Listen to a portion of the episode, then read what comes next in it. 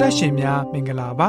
ဥပု္ပ္ပစာပြေသင်ငန်းစာ2ဖြစ်ပါတယ်အော်တိုဘာလ2ရက်ကနေ10ရက်အထိလေ့လာသွားမယ့်ဥပု္ပ္ပစာပြေသင်ငန်းစာရဲ့ခေါင်းစဉ်ကြီးကတော့မောရှိဤရာဇဝင်သင်ငန်းစာဖြစ်ပါတယ်ဖတ်မဲ့ကျင့်ချက်တွေကတော့တရားဟောကြံခန်းကြီး1ကနေတရားဟောကြံခန်းကြီး3အထိထွမြောက်ကြံခန်းကြီး32ငွေ29ကနေ32တောလျာကြံခန်းကြီး14အဖက်ဩရစာခန်းကြီး3ငွေ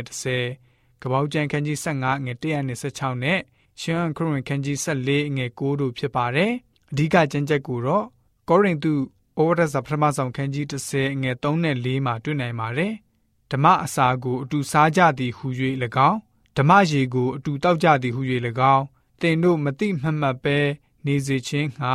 ငါအလိုမရှိထိုသူတို့နောက်၌လိုက်သောဓမ္မကြောင့်မှထွက်သောရေကိုတောက်ကြ၏ထိုကြောက်ကခရစ်တော်ဖြစ်သည်ဆိုပြီးတော့မှဖော်ပြထားပါတယ် ခုနကကြားခဲ့ရတဲ့စကားလုံးတွေကို မောရှိယာဆိုလို့ရှိရင်တရားဟောအကျမ်းကိုစတင်ရေးသားတဲ့စကားလုံးတွေပဲဖြစ်ပါတယ်မောရှိနဲ့မောရှိကိုယ်တိုင်ရေးခဲ့တဲ့ဩဇာလွှမ်းတဲ့စာအုပ်ဟာ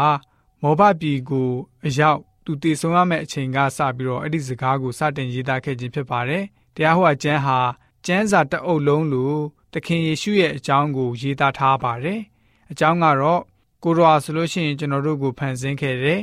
ကျွန်တော်တို့ကို စောင့်ရှောက်ထိန်းချောင်းပို့ဆောင်ပေးတယ်ကျွန်တော်တို့ကိုရွေးနှုတ်ပေးတယ်အရှုံးသမားတဦးရဲ့ခံစားနေရတဲ့အဲ့ဒီစကလုံးတွေကတော့တရားဟောအကျမ်းအဆိုရင်ဆက်လက်ဖန်ဆင်းပေးမယ့်အကြောင်းကိုရောကြည့်ရှုစောင့်ရှောက်တော်မူတဲ့အကြောင်းကိုရောရွေးနှုတ်ကယ်တင်မဲ့အကြောင်းကိုရော ကိုရောရဲ့လူတွေကိုအချိန်အတိအကျကယ်တင်ခြင်းသမိုင်းကြောင်းတောက်လျှောက်မှာဖော်ပြပေးပါတယ်အခြေခံအားဖြင့်ဣသေလရဲ့သားသမီးတွေဟာခန္နန်ပြည်ကိုနောက်ဆုံးဝင်ရောက်တော့မှာဖြစ်ပါတယ် မောရှေဟာသူတို့ကိုရာဇဝင်သင်ခန်းစာတွေတွင်တင်ပြောကြားပေးခဲ့ပါတယ်။အဓိကအကြောင်းကတော့တမန်ကျမ်းစာမှာထက်ခါထက်ခါဖော်ပြတဲ့အကြောင်းပဲဖြစ်ပါတယ်။အတိတ်ကဖျားရှင်ဟာသင်တို့အတွက်ပြုတော်မူခဲ့သမျှကိုပြန်ပြီးတော့သတိရကြပါဆိုပြီးတော့ဖြစ်ပါတယ်။အဲ့ဒီကိစ္စဟာကျွန်တော်တို့အတွက်တစုံတရာဖြစ်ပေါ်လာစေပါတယ်။ကျွန်တော်တို့ဟာ